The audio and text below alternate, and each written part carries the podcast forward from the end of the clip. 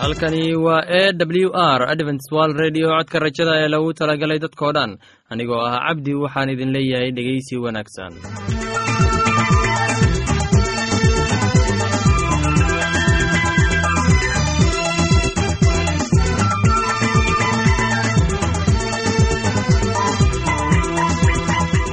barnaamijyadeena maanta waa laba qaybood. Qaybta kuwaad waxaad ku maqli doontaan barnaamijka nolosha qoyska. Kadib waxaa inoo raaci doonaa cashar inaga yimid bugga nolosha. Dhegeystayaasheenna qiimaha iyo qadarinta mudano waxaan filayaa inaad si habboon u dhegeysan doontaan. Haddaba haddii aad qabto wax su'aal ama talo iyo tusaale oo ku saabsan barnaamijyadeena maanta fadlan inala soo xiriir. Dib ayaynu kaga sheegi doonaa ciwaanka yagu balse intaynan u guuda gelin barnaamijyadeena xiisaa leh. Waxaad marka hore ku soo dhowaataan. Heestan daabacsan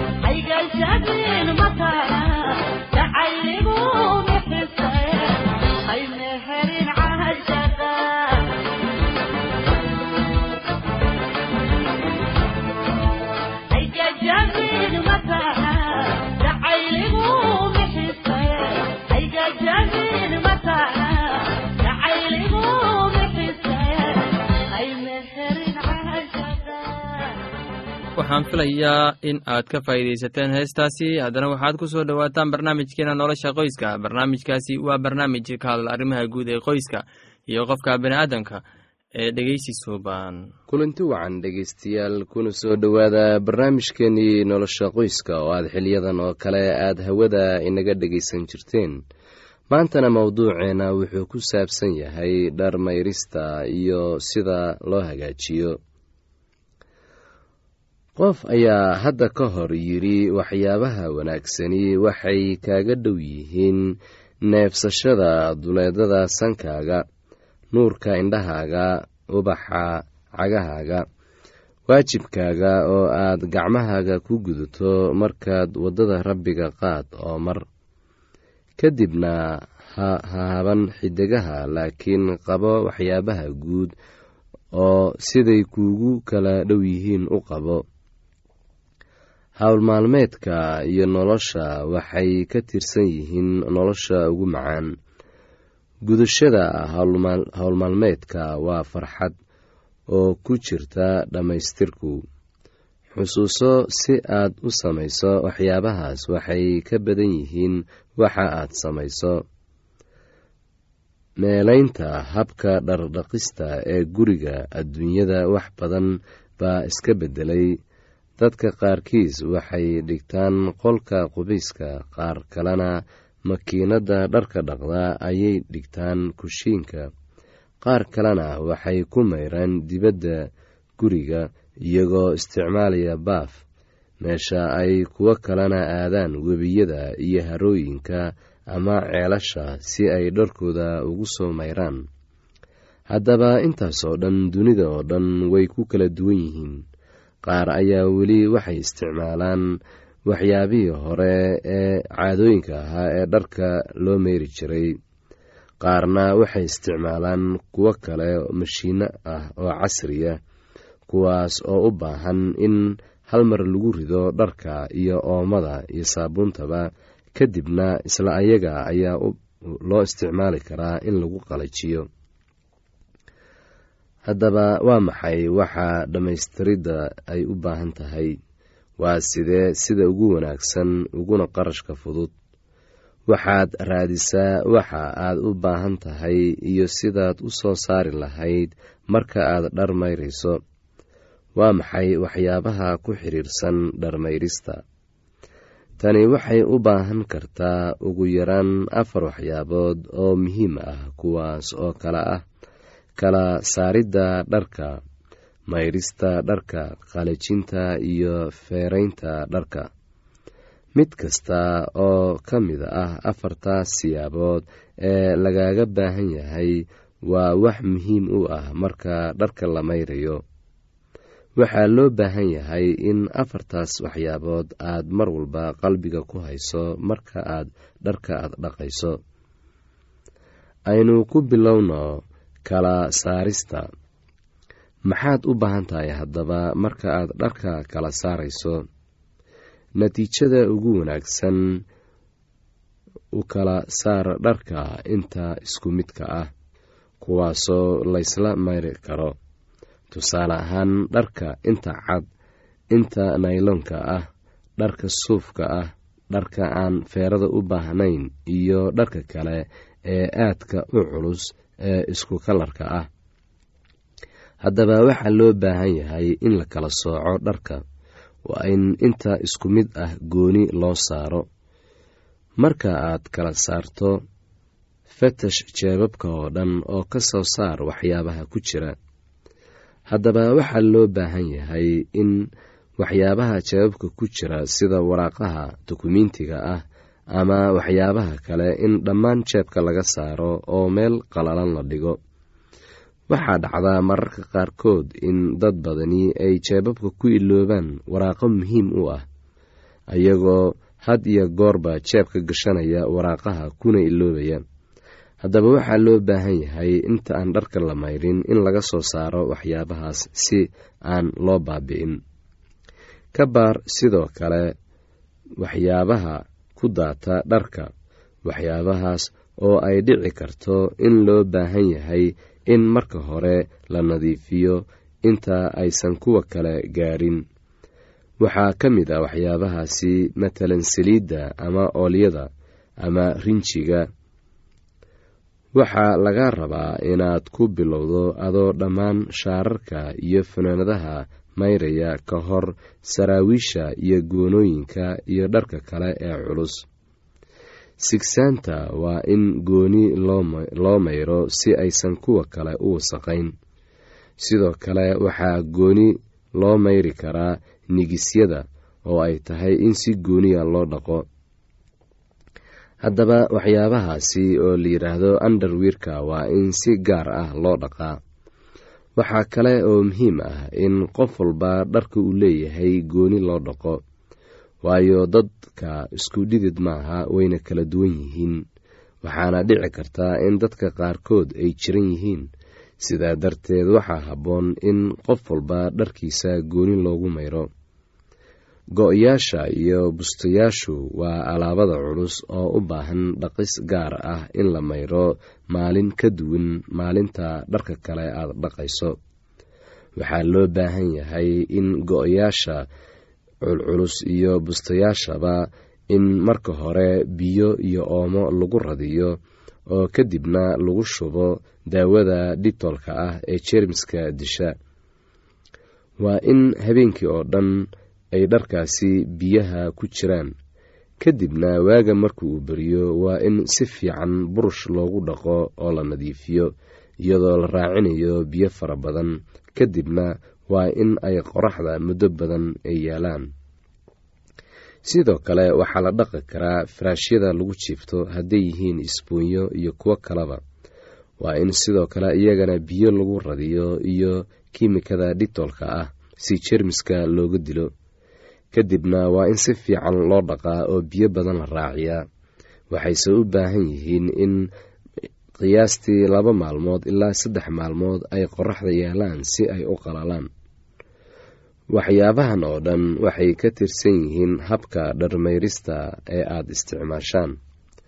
Qaar ka mid ah mashiinada dharka waa kuwo ku brogaraamsan iyadoo loo eegayo saameynta dharka iyo cabirka oo kale qalabka dharka ee kala duwan waxay u baahan yihiin taxadir gaar ah. Habka gacan kumayrista qiyaastii waa habka guud ee caadiga ah ee dharmayrista. Waxaan filayaa inaad ka faa'iidaysateen barnaamijkaasi. Haddaba haddii aad qabto wax su'aal ama tale iyo tusaale fadlan inala soo xiriir.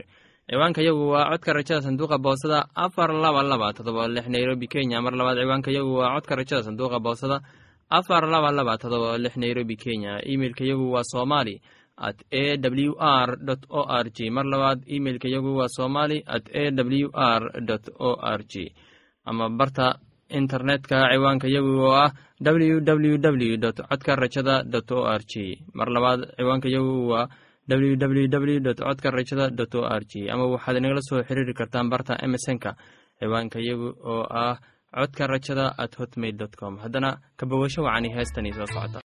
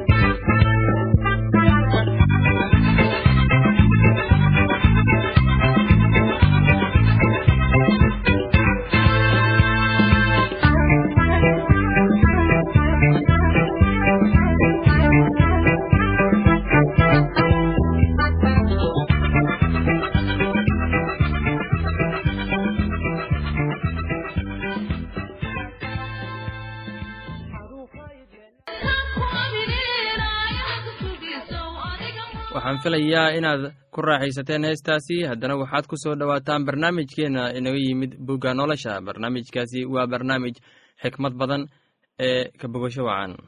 Oo malaa'igtii rabbigu waxay ku tiri iyadii bal eeg uur baad leedahay oo wiil baad dhali doontaa magaciisana waxaad u bixin doontaa ismaaciil. Maxaa yeelay rabbigu waa maqlay dhibaatadaadii oo dadka dhexdiisa wuxuu ku noqon doonaa sida dameer banjoog ah. Gacantiisu nin walba gees bay ka noqon doontaa oo nin walba gacantiisuna gees bay ka noqon doontaa isaga. Wuxuuna degganaan doonaa walaalihiis oo dhan hortooda oo waxay magicii rabbigii la hadlay iyada u bixisay waxaad tahay ilaaha wax arka waayo waxay tidhi weliba miyaan halkan ka arkay? Weliba miyaan halkan ka arkay kan i arka? Sidaas daraaddeed ceelkii waxaa loo bixiyey bicir laharyoor bal eeg wuxuu u dhexeeyaa kaadesh iyo bered oo xageer waxay abrahm u dhashay wiil oo abramna wuxuu wiilkaasi xageer dhashay u bixiyey ismaaciil.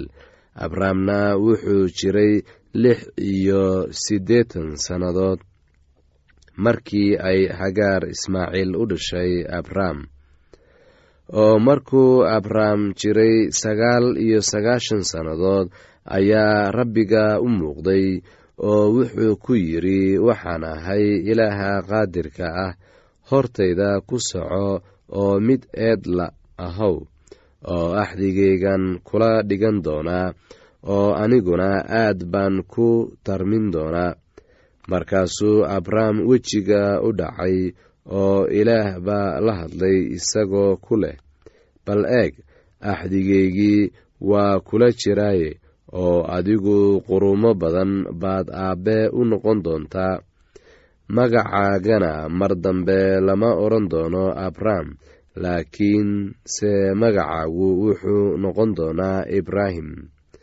waayo waxaan kaa dhigay qurumo badan aabbahood. Aad baanan ku badin doonaa oo qurumo baan kaa samayn doonaa boqorona way kaa soo bixi doonaan oo axdigayga waxaan ku adkayn doonaa dhexdaada iyo farcankaaga kaa dambeeyaba tan iyo qarniyadooda oo dhan waana axdi weligiis waara kaas oo ah inaan adiga ilaah kuu noqdo iyo farcankaaga kaa dambeeya. Oo waxaan ku siin doonaa adiga iyo farcankaaga kaa dambeeyaba dhulkii aad sodcaalka ku ahayd kaas oo ah dalka kancaan oo dhan inuu idiin ahaado hanti aad weligiin lahaataan. Aniguna waxaan ahaan doonaa ilaahood oo ilaah wuxuu ibraahim ku yidhi adigu waa inaad axdigayga xajisaa adiga iyo farcankaaga kaa dambeeyaba tan iyo qarniyadooda oo dhan kan waa axdigayga aad xajin doontaan oo inoo dhexeeya aniga iyo adiga iyo farcankaaga kaa dambeeyaba mid kasta oo lab oo idinku jira waa in la gudaa oo waxaad iska gudi doontaan buuryadiinna waxayna calaamo u noqon doontaa axdiga ina dhex yaal aniga iyo idinka. Kii siddeed maalmood jira oo idinku dhex jira waa in la gudaa mid kasta oo labtan iyo qarniyadiinna oo dhan. Ha ahaado kii gurigaaga ku dhashaa ama kii lacag lagaaga soo iibsado shisheeyahana oo aan farcankaaga ahayn. Kii gurigaaga ku dhashaa iyo kii lacagtaada lagu iibsadaba waa in la gudaa axdigayguna wuxuu jidhkiina ku noqon doonaa axdi weligiis waara oo buuryaqabka lab oo aan buuryadiisa laga gooyin. Midkaasu waa ka go'i doonaa dadkiisa waayo axdigaygii buu jebiyey. Oo ilaah wuxuu ibraahim ku yidhi naagtaada saarayna magaceeda waa inaadan ugu yeerin saaray.